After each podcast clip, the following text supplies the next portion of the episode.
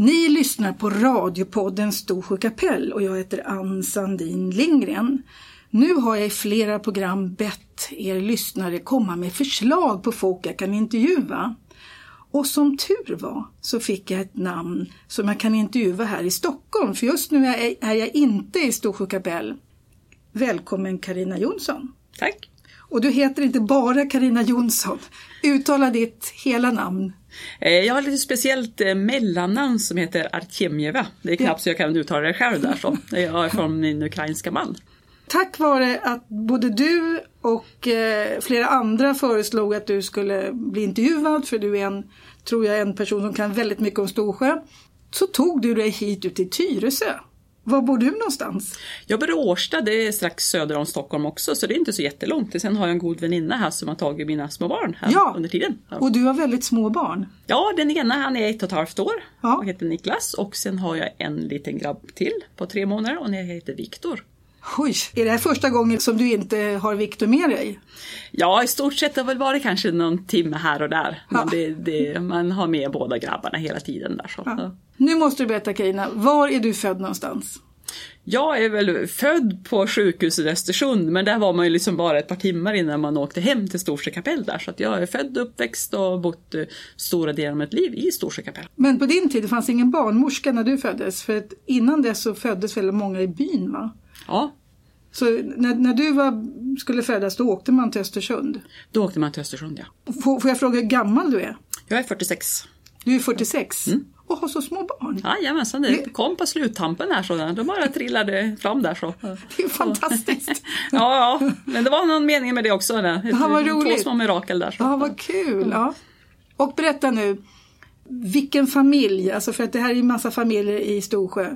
Det är familjen Jonsson. Mm. Vilka är ni?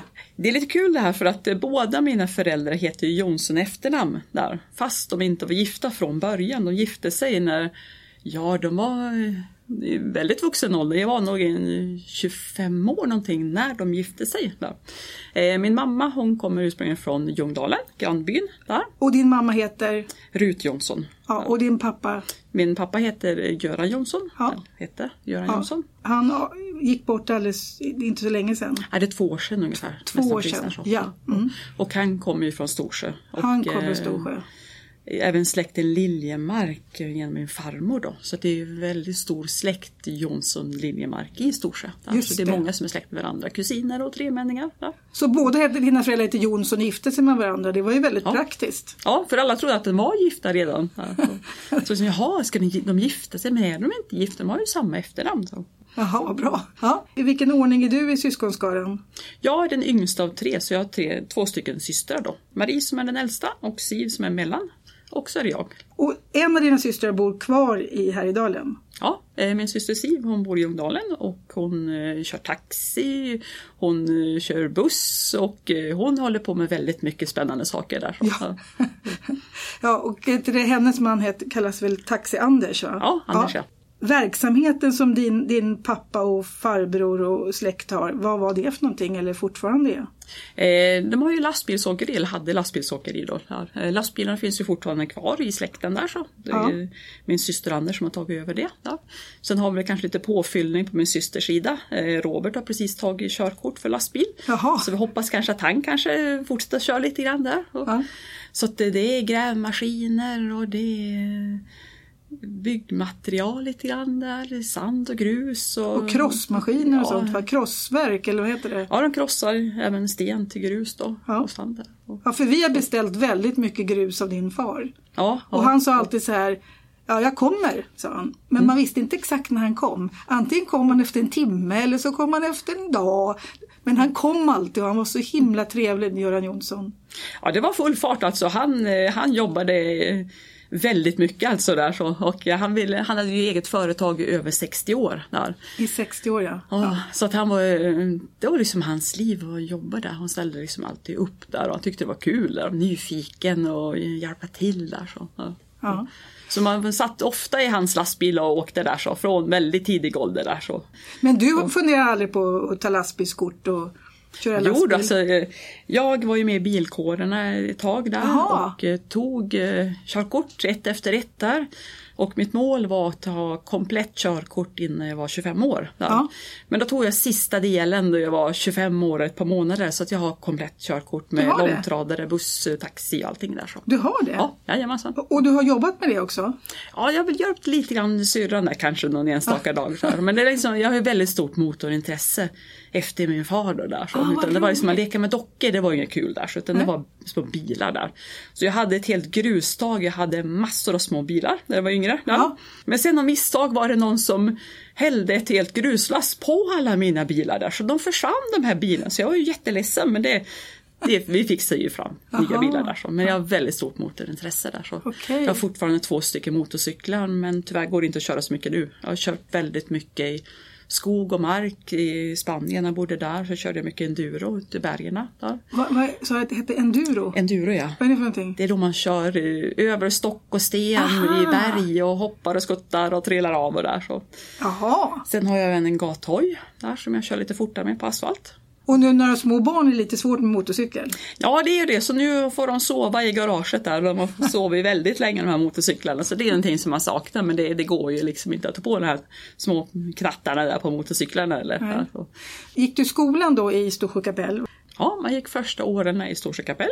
Och sen? och sen fortsätter man i lite högre klasser i Ljungdalen fram till årskurs 7.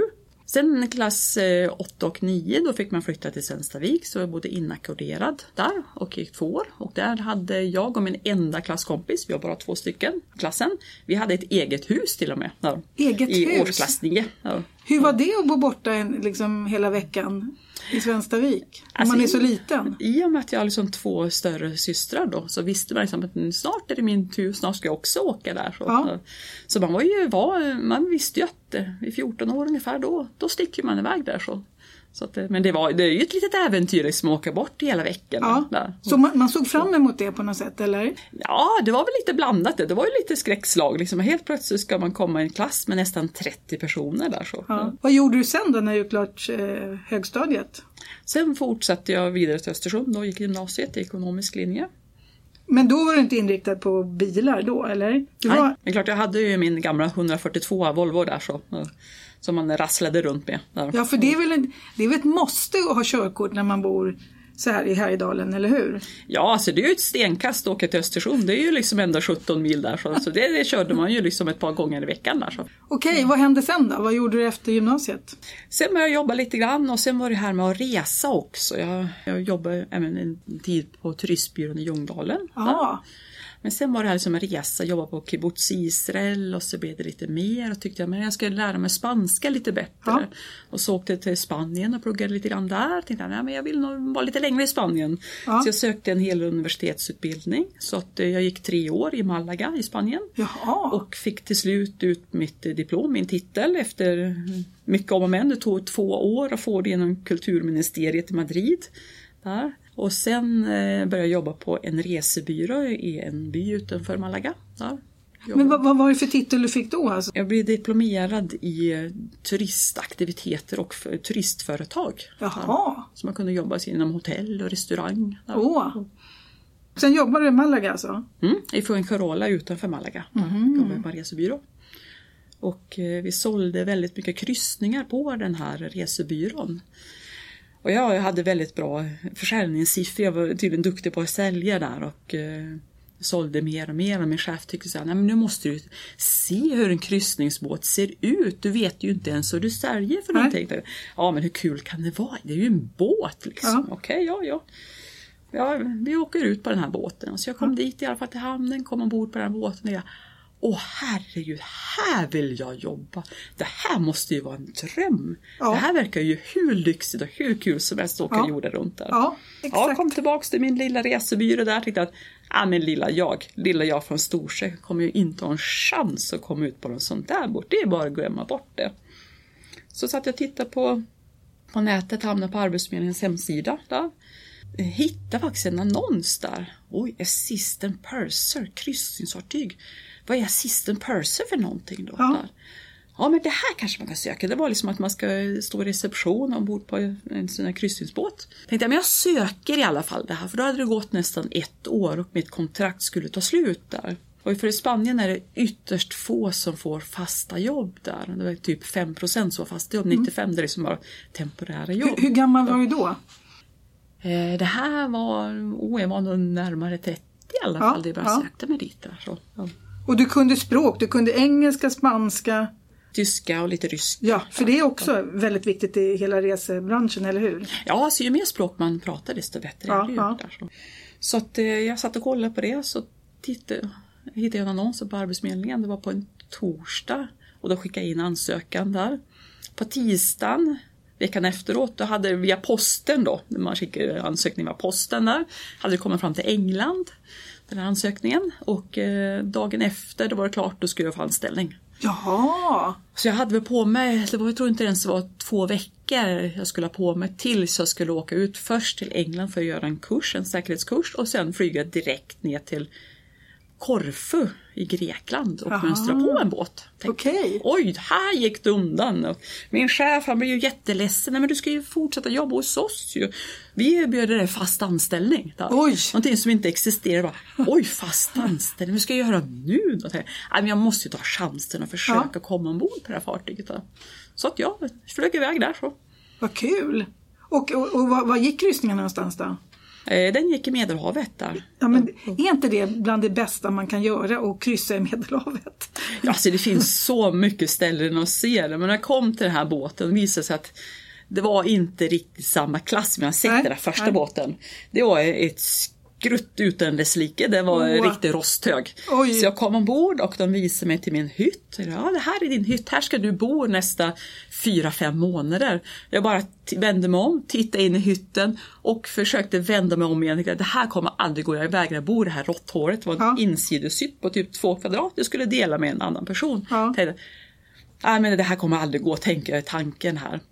Och s- vände mig om till personen. Men jag brukar aldrig ge upp, jag brukar alltid köra på det. Jag kör liksom Ja. här så.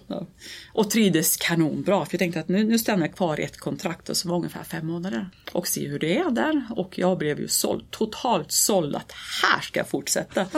för man, det var väldigt mycket jobb, man jobbar ju sju dagar i veckan. Ja, och det. det kunde vara liksom lätt upp till 15-18 timmar Ja, på en dag. Så det ja. Mm. var väldigt många timmar att jobba. Ja, och Jag har faktiskt åkt kryssningsfartyg. Jag tycker Ja, att det är ett ja. Mm. fantastiskt bra sätt att ha semester på.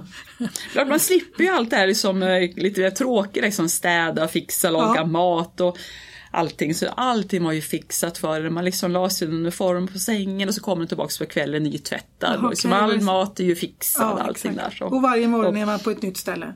Ja, precis. Där. Mm, Och, och då växte jag att nej, men nu vill jag se på någonting annat i världen där. Så. Och sökte mig till ett annat, eh, eller ett annat fartyg och eh, hamnade då i Västindien dit vi ville komma. Ja. Aha. Jag tänkte, åh vad häftigt och så åkte vi runt där lite grann och så tänkte jag att ja, men jorden runt, nu måste jag söka mig till ett rederi som har kryssningar jorden runt. Så jag sökte och kom ombord på ett och vi, det tog tre och en halv månad jorden runt. Åh, Och man fick vara med på alla de här destinationerna. Ja. det var jättehäftigt. Ja, det var jättekul att se liksom att eh, de här statyerna var Påskön, de stora barriärrevet, Singapore, Mauritius, Seychellerna, Sydafrika, allt möjligt där så. Ja. Så du har sett hela världen egentligen då kan man säga. I alla Ja. fall ett, ett Ja, varv. ja, i alla fall hamnarna. Ja. Hamnarna, ja det Så sist jag räknade var det väl 97 länder där jag hade besökt där. Så. 97 länder. så det finns många kvar att besöka där. Så. Ja. För kryssningsfartyg, till skillnad på handelsfartyg, de, då går man ju i land. Mm, De stackarna som jobbar på ett handelsfartyg, de kommer väl inte, de kommer inte alltid i land va? De som jobb, jobbar, alltså sjömän nu för tiden ligger ute på redden Ja, precis. och lastar bara av och på. Ja, de hamnar ju liksom längre bort där. Vi Ja. hamnar ju som mitt inne i städerna. Precis. Och fanns det plats på utflykterna fick man följa med det. Så att, eh, vi åkte till Alaska till exempel och då fick jag följa med på en helikoptertur där. Så vi flög Ah, över alla de här glaciärerna där.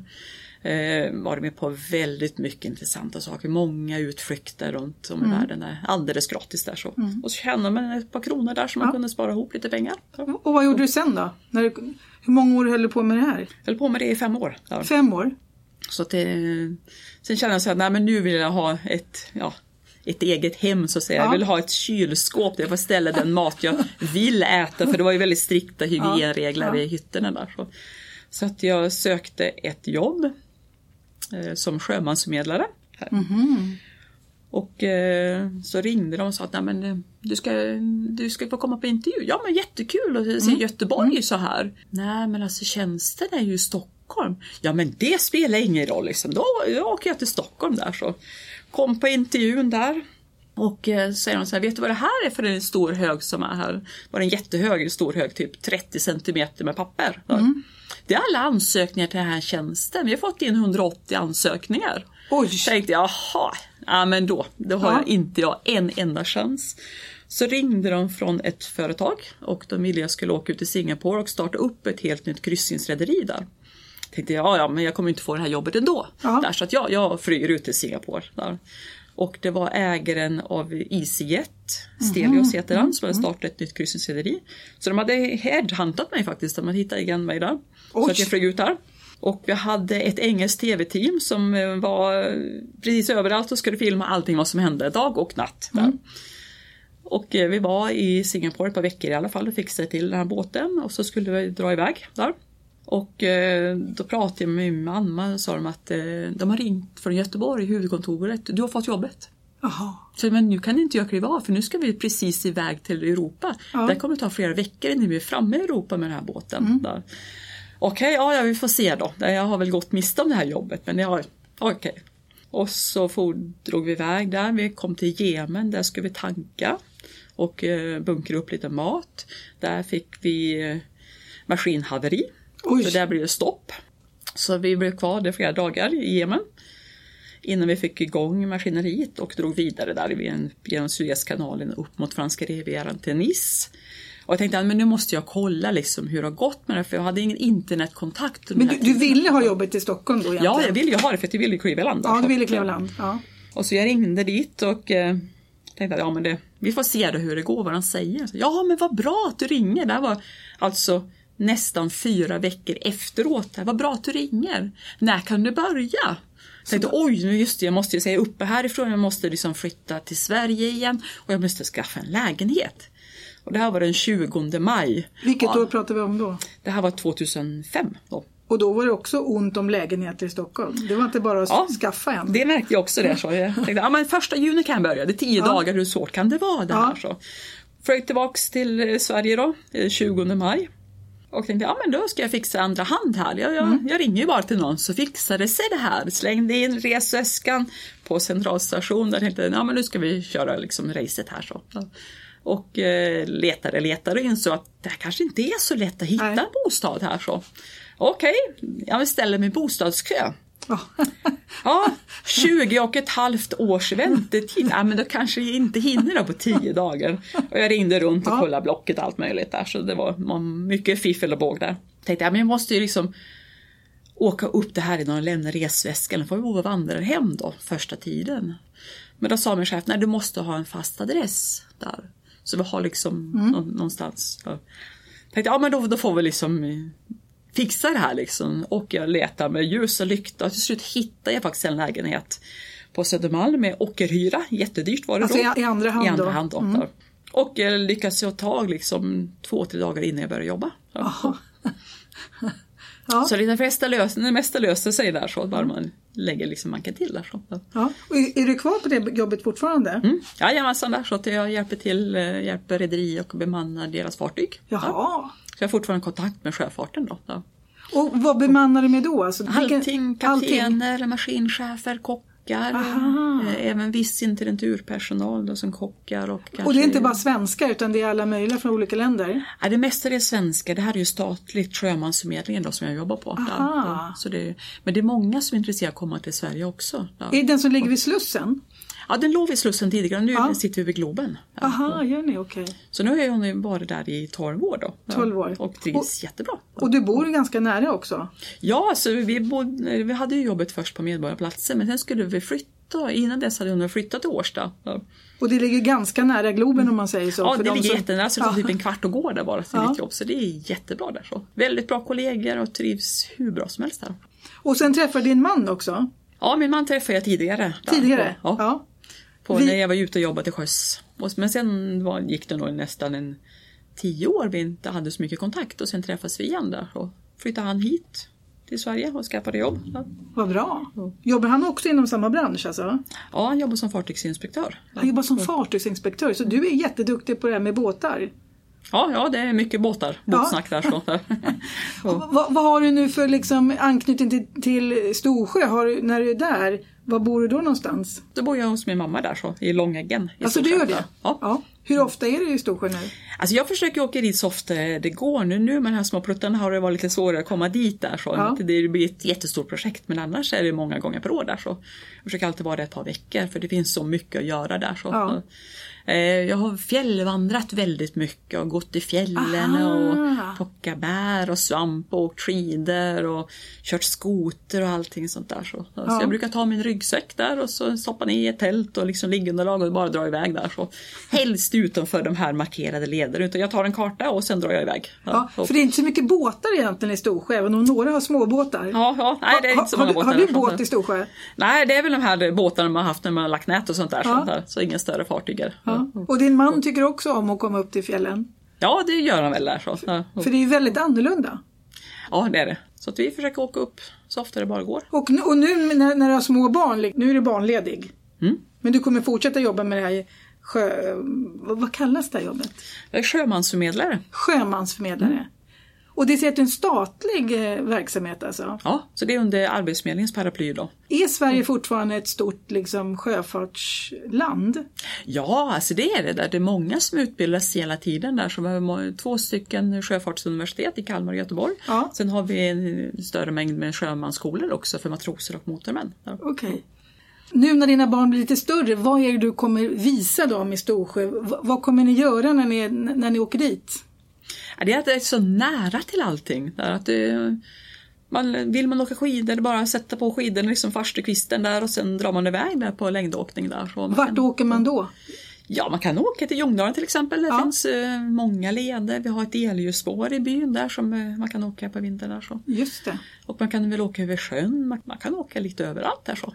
Har, har du några specialställen som du gillar att åka till? Har ni någon fä- fäbodvall som ni brukar åka till? Ja, vi har ju alltså Fäbodvallen men vi brukar väl inte åka dit. Vi Nej. köra skoter och sånt kanske dit då. Liten jaktstuga kan åka till. Och när du, när, du- när du fjällvandrar, vart går du då? Där jag inte varit förut. Det är inget kul att gå liksom till samma ställe. Klart det hela som jag varit otaliga gånger där Ja. så, upp på toppen av det. Så. Men liksom att jag brukar sätta mig där och titta liksom på kartan. Så här, oh, men där har jag inte varit. Då vill jag dit. Okej. Eller också man ser liksom en topp där, någonstans ifrån byn. Och så här, Den toppen har jag aldrig varit uppe på. Nej. Dit ska jag nu. Liksom jag tänkte, ja men då tar fram kartan. Hur många dagar kan det här ta? Tar det liksom tre dagar? Ja men då får man fixa käk för tre dagar. Och, Du gör så? ja. Och så torka lite mat kanske eller någonting då. Där. Och så går du, du går alltså inte på, på, på leder då, utan då går du Helt fritt. Helt fritt? inte det lite svårt med alla myrar och sånt som är då? Jo, man får ju titta lite grann på kartan, men klart man blir ju lite blöt om fötterna ibland. Ja, så. vad kul! Och så får man slä, slänga upp liksom tältet där man vill då. Så det har väl hänt otaliga gånger att eh, det har varit renflockar som har nästan eh, sprungit rätt över tältet eller inuti tältet och man har ställt sig på någon sån stig där. Så. Du verkar inte speciellt rädd av dig. Jag är fruktansvärt mörkrädd. Jag ser det. Ja, oj oj oj. Ja, men det är, är man uppe på fjället då är, då är det ju mörkt där. Så. Ja. Nej, men det finns så väldigt mycket att se runt den här byn. Storedörren till exempel och det är fantastiskt att gå igenom och runt där och över bort Mm. mot Ljungdalen, Ljungeris där. Helax, Sylarna. Man kan gå liksom Alltså hur mycket som helst. Det finns alltid någonting nytt att se. Men tyvärr har det varit ett par år nu sen jag var iväg sist där och med här Mm. små barn och sånt där. Vi- Vilka årstider gillar du bäst? För det, alla årstider har ju sina fördelar. Alltså jag tycker absolut bäst om hösten där med de här färgerna. Alltså Ja. Det är så fantastiskt att se färgerna där. Och plocka lite kantareller och lite blåbär och sånt där. Så. Och det är ju roligt med den här Facebookgruppen när man lägger ut sina bilder. Ja, Man blir ju väldigt sugen att åka upp hela tiden när man ser alla bilder. ja, det är fantastiskt. Man lägger ut så himla fina bilder så man blir alltid så sugen. Liksom att Åh, nu, nu är det dags att åka upp igen. Nu saknar jag det här. Ja, så. ja. Och den här uppdateringen. Min syster och min svåger Anders lägger upp en hel del bilder. Och jag blir vad så roligt. sugen att åka upp upp där. Liksom. Och nu, måste, nu är det dags att åka upp. Och sen finns den här eh, sidan med storsjöbor.se när de liksom gör lite längre reportage när de visar vart de går. Och det tycker jag då som jag som inte hittar. Det där skulle jag kunna få tänka mig att gå den där vägen. Det, det finns så mycket att se på där. Och vill man gå på lederna så finns det jättefina leder. De är väl markerade och det finns väldigt mycket att se. Men du har aldrig funderat på att flytta tillbaks till Storsjö? Alltså man vet aldrig vad som händer där. Så att det, det blir mer och mer livat i Stockholm. Det händer mer och mer saker så man kanske längtar härifrån också Ja, ibland. Där, så. ja. Men att, hur många år har du bott i Stockholm nu? eh, 12 år har jag bott här. så. 12 år? Mm. Just det, och innan dess var du egentligen på olika... Du, du är van att bo på olika ställen. Ja, ja. Så samma jobb i 12 år, det är jättelänge. Klart, nu har jag varit ledig i två år. Då, Ja. där, så. Men jag trivs så pass bra ändå där. Så, men, eh, man, man tänker alltid, men nu kanske man ska hitta på någonting annat där. Mm. så man, man vet aldrig vad som händer. Saker kan hända. Årsta är väldigt vackert också. Ja, det är det. Och gå runt där. Ja. Det är fi- fina utsikter ner mot vattnet och sånt. Fina löparspår där också. Ja. Jag springer en hel del. Du gör det? Ja. Ja. Men, men att flytta till Storsjö, är inte det lite svårt också? För att folk vill flytta men har ingenstans att bo. Alltså finns viljan så finns det nästan alltid möjligheter.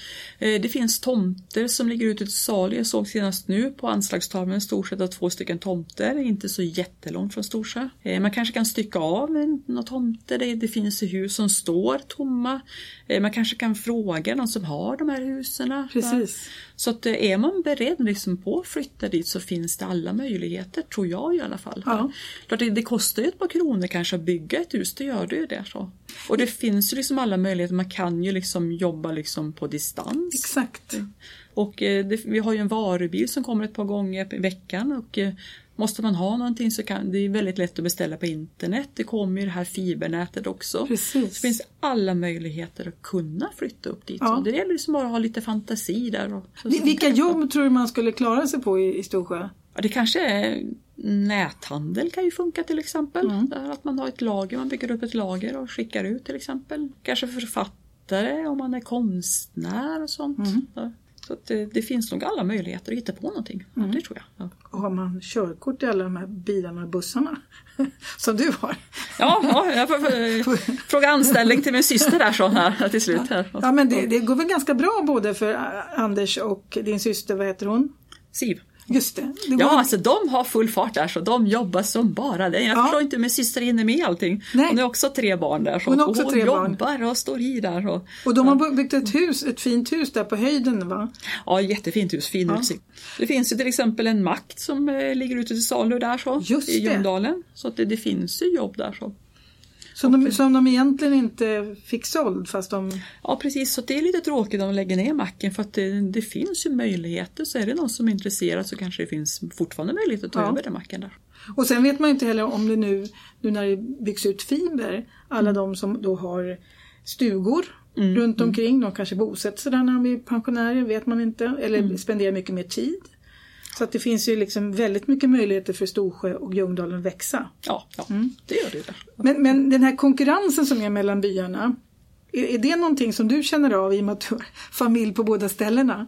Ja, alltså det är alltid det här liksom att eh, om man bor i ena byn så tycker man illa om den andra byn och vice versa. Men det är väl allting som Sverige mot Norge liksom. Ja. Fotboll eh, mot hockey till exempel. Det är alltid att man ska liksom gnabba lite grann där. Ja. Så, så, sammantaget så tror jag att det är väldigt bra stämning ändå Ja, mellan byarna. För det är väldigt Ja, många ja. som är släkt med varandra och som är, är gifta med varandra mellan Ja, byarna. ja, och det är så pass nära ändå. Så där, Ja, så. ja vad kul. Det finns ju visst gnabb, det, det gör det ju där. Men det, ja, det är väl lite, lite charmen i det hela också. Där. Ja. Så. Men du, du har inte funderat på att skaffa något eget hus där uppe? Du, du får plats bra hos din mamma? Jajamensan, jag har kvar fortfarande mitt lilla flickrum där så. ja, I huset. Sen finns det ju lite hus som vi har där i närheten också. Min eh, farmor och farfars hus. Där Aha, brukar jag bo också. Där. Okej. Ett Så stort hus där precis vid sjön. Ja. Precis i sjön. Det var ju fantastiskt. Det är ett väldigt stort hus där. Så. Åh, det är otroligt vackert. Att de flesta hus ligger väldigt fint. Ja, där alltså det hus man har sån fantastisk utsikt från det huset. Man ser liksom eh, älgarna som kommer på morgonen där. Man ser liksom fjällen därifrån och går man ner till sjön har man liksom full utsikt liksom från övervåningen där. Jättefint där. Så. Mm. Kommer du lära dina barn härjedalska eller storsjömål eller vad man nu säger för någonting? Jajamensan. Pratar du härjedalska med dem eller pratar du? Ja, det, det blir det där så. Det blir både svenska och engelska och ryska och härjedalska. Det blir en salig blandning där. Så. De blir, de blir mångspråkiga dina barn? Ja, det blir de där så. Det kommer de bli. Vad trevligt. Går din äldsta på, på, på dagis eller? Han har precis börjat nu ett par veckor sedan. Han går ett par timmar, ett par dagar i veckan. Där, så. Då brukar ju barn ofta anpassa sig till det språk som gäller på dagis. Ja, ja. Så att det, hemma vid är det bara engelska vi pratar. Ja, ni pratar engelska hemma? Mm. Nästan bara engelska. Ja. Nästan bara. Du kan inte ukrainska? Nej, ryska lite grann där så. Ryska och ukrainska det är väldigt likt där. Aha. Du måste ha väldigt bra språköra om du kan så många språk. Nej, men jag har väl satt mig i sådana situationer att jag måste kunna språket. Jag flyttade till Spanien utan att kunna spanska till exempel. Där, ja. Och, det, och började på universitet där och det var jättesvårt. Jag slog den här uppslagsboken tusentals gånger per dag. Men alltså det, det går ju fortare att lära sig språket om man ja. är där. Och, och nu talar du liksom spanska. Du har inga problem med spanskan om du Nej, det, det tar ett tag att eh, slå om nu i och med att det var så pass länge sedan jag flyttade ja. därifrån. Där. Men är det någon som pratar spanska, det är ju inget problem liksom att förstå det hela. Nej. Men ni som har växt upp i, i Storsjö, känner du att, att du haft en bra barndom i en sån här liten by? Ja, alltså vi har ju haft det väldigt, väldigt bra där. Det var liksom att eh, man hade ju naturen liksom precis utanför där. Vi var ett bra gäng och jag hade min bästa väninna Karina Moen, hon bodde liksom i grannhuset där. Hon var ett år äldre och vi umgicks ju hela tiden där. Så. Eh, vi hade ett fotbollslag där och vi skulle ha fotbollsträningar. Och då hade man kanske inga gympadojor utan eh, var, vi var väl ett par som sprang omkring och spelade fotboll i träskorna där. så att man fick liksom eh, spänna ut tårna där så man inte skulle komma en träsko flygande. Där. Men sen blev det väl kanske lite ett par olyckor för mycket där. Att eh, nej, nu får det vara slut med träskor och fotbollsspelande det här. Så. Hittade på sån här hartsfiol. Vad är det för någonting? Man spänner fast en liten sytråd i fönstret hos någon och så drar man en liten sån här hartsbit på den här tråden så skriker det inne där. Och, så det, Lite bus. Ja precis och så var det borta vid Badviken där då. Det var väl någon där som odlade lite goda saker, lite goda grönsaker. Så där var man och pallade rover ibland där. Men tyvärr vid ett tillfälle tog jag tydligen frörovan och det var inget bra. Jag visste ju tyvärr inte om det där så det, det, var, det var illa där. Så, okay. så lite sån här, lite bussträck hittade vi på där. Så. Var ni många barn i samma ålder? Nej, inte i, i samma ålder eller det var jag bara i min ålder och var... sen var det en tjej i Ljungdalen som var i samma ålder också. Aha, okay. Så jag var, var, bara två i klassen. Vi var sammanlagt sju i hela skolan. Okej, okay, var ni sammanlagt sju i hela skolan? Mm, ja. I de tre klasserna. I de tre klasserna. Och ni sju, ni känner varandra utan och innan då, sen ni var små? Ja, jösses ja. Där. Så det var en grabb, han kom och gick i vår klass, vi var tre stycken i två år och sånt där. Ett par år var ja. vi tre stycken i klassen, men annars var vi bara två. Vem hade ni som lärare i skolan? Eh, jag kommer ihåg Margareta Wodresoff i alla fall. Där eh, Gunhild Björland, Gunvi Hellström, Olle Joelsson. Ja, jag har glömt namn också. Där. det är många lärare alltså som... Ja, det var ju liksom sju års, ja. årskurser då. Har du, har du fortfarande bra kontakt med alla dina gamla kompisar i Storsjö? Ja, de har ju försvunnit lite grann just också. Man har lite grann på Facebook och sånt ja. där. Det är sällan man kanske är, är där samtidigt. samtidigt där, så. Ja. Och det som är roligt nu tycker jag att nu ser man när det ska vara någonting, när det ska vara en evenemang i Storsjö mm. och då kommer folk. Ja, det gör de där. Speciellt runt påsk. Där. Ja, pimpeltävlingen. Ja, det är ju en höjdpunkt. Det är ju jättekul där. Så. då är alla där. Alla är där och ingen får fisk. Här, nästan. Men det är, liksom, det är lika kul ändå där. Så man går runt och tittar liksom, men där är de. Där. Så, hej hej. Ja, så. precis. så det är jättekul. Och då kommer alla som har flyttat ut från byn. Ja. Jätteroligt. Så det är de här liksom, högtiderna där liksom jul, påsk, lite grann kanske midsommar ja. där. Och, så det, det, är mycket som händer. Och älgjakten förstås då, det är många som kommer tillbaks där. Och nu har det varit stora evenemang med konstutställning, med Bengt Lindström och det, är liksom, det har hänt massa saker som gör att folk kanske man sätter Storsjö på kartan. Ja det är jättekul att de ordnar det här för de har ju verkligen lagt ner väldigt mycket tid och ork i det här. Ja. Och liksom samla ihop alla de här tavlorna. Det är ju helt fantastiskt att få dit de här jättestora tavlorna. Ja, det var ju väldigt lyckat. Ja det var det. Så och sen har det varit såna här musikkvällar med mm. Kingen. Alltså det, det, är ändå väldigt mycket arrangemang i Storsjö. Alltså de lägger ju ner väldigt mycket fritid för att få de här evenemangen där. Så, mm.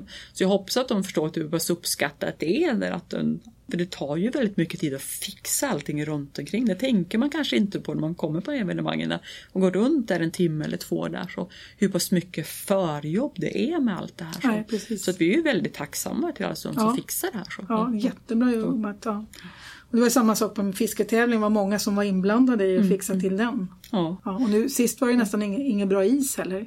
Nej, nej, så kan det vara också där så att det blir varmt där. Så. Ja. Och sen med den här handikapprampen för fiske Ja. också, det är ju jättekul. Det är väl, jag vet inte, jag har hört någonting mer i Sverige. Det är jättekul att de håller på Ja. med det här. Att Ja. liksom tänker liksom nytt. Och, Mm, Och nu har de funderingar på, de, det finns ju fortsatt, eller massa planer nu i, i byalaget på Mm. att utveckla där uppe. Och den här campingplatsen ska de tror jag fortsätta med och de funderar på en liten båthamn och lite grejer. Mm. Allt det här vet man inte hur det blir men, men det finns ju mycket, mycket bra planer. ja, vi har läst de här dokumenten och det är, finns mycket spännande idéer. Ja, det finns det. Det är jätteroligt. Och fiskekampen går ju också väldigt bra och byggs Mm. Ja, ut med nu, nu nya hus för funktionshindrade. Ja, så jag hoppas att det blir lite mer lite längre öppettider kanske. Ja, precis. Men klart finns det liksom inga turister är det svårt att ha öppet där. Så, så jag hoppas att det kommer liksom fler turister och det liksom, man kan ha öppet längre. Där. Ja. Carina, när ska du till Storsjö nästa gång? Alltså eventuellt kanske den här veckan. Vi får se lite grann hur Ja. det händer med grabbarna där. Så. Ja. så det ska bli kul att se hösten också där. Så. Men det blir ett större projekt med grabbarna. Men förhoppningsvis i slutet på den här veckan kanske jag åker upp ett par Åh, veckor. vad Ja. trevligt.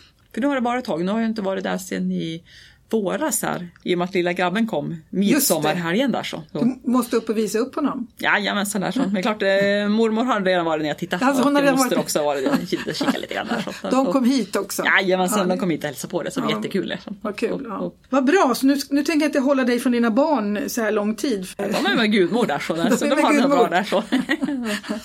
Ja, är det någonting jag glömt att fråga? Du kommer komma på 17 grejer Ja, efter just. Nej, men det är liksom att du trycker på att eh, vill man flytta upp så finns det möjlighet.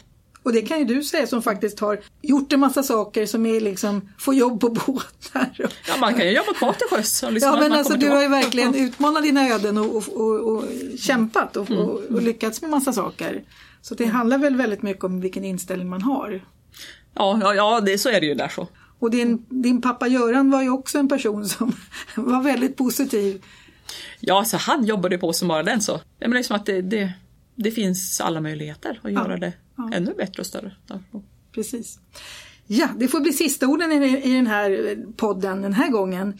Och du, du och alla andra får gärna tipsa mig om fler människor. Jag kan intervjua, det gör ingenting om de inte bor i Storsjö för då är det lättare kanske för mig att intervjua dem om de bor i närheten av Stockholm. Så det är jättebra att du kom hit till Tyresö, till den här lilla studion vi har här. Nu får jag säga ditt namn igen. Karina Artjemjeva. Artjemeva, Ja, någonting sånt? Jonsson. Ja. Tack för att du kom hit. Ni har lyssnat på radiopodden Storsjö kapell och jag heter Ann Sandin Lindgren. På återhörande.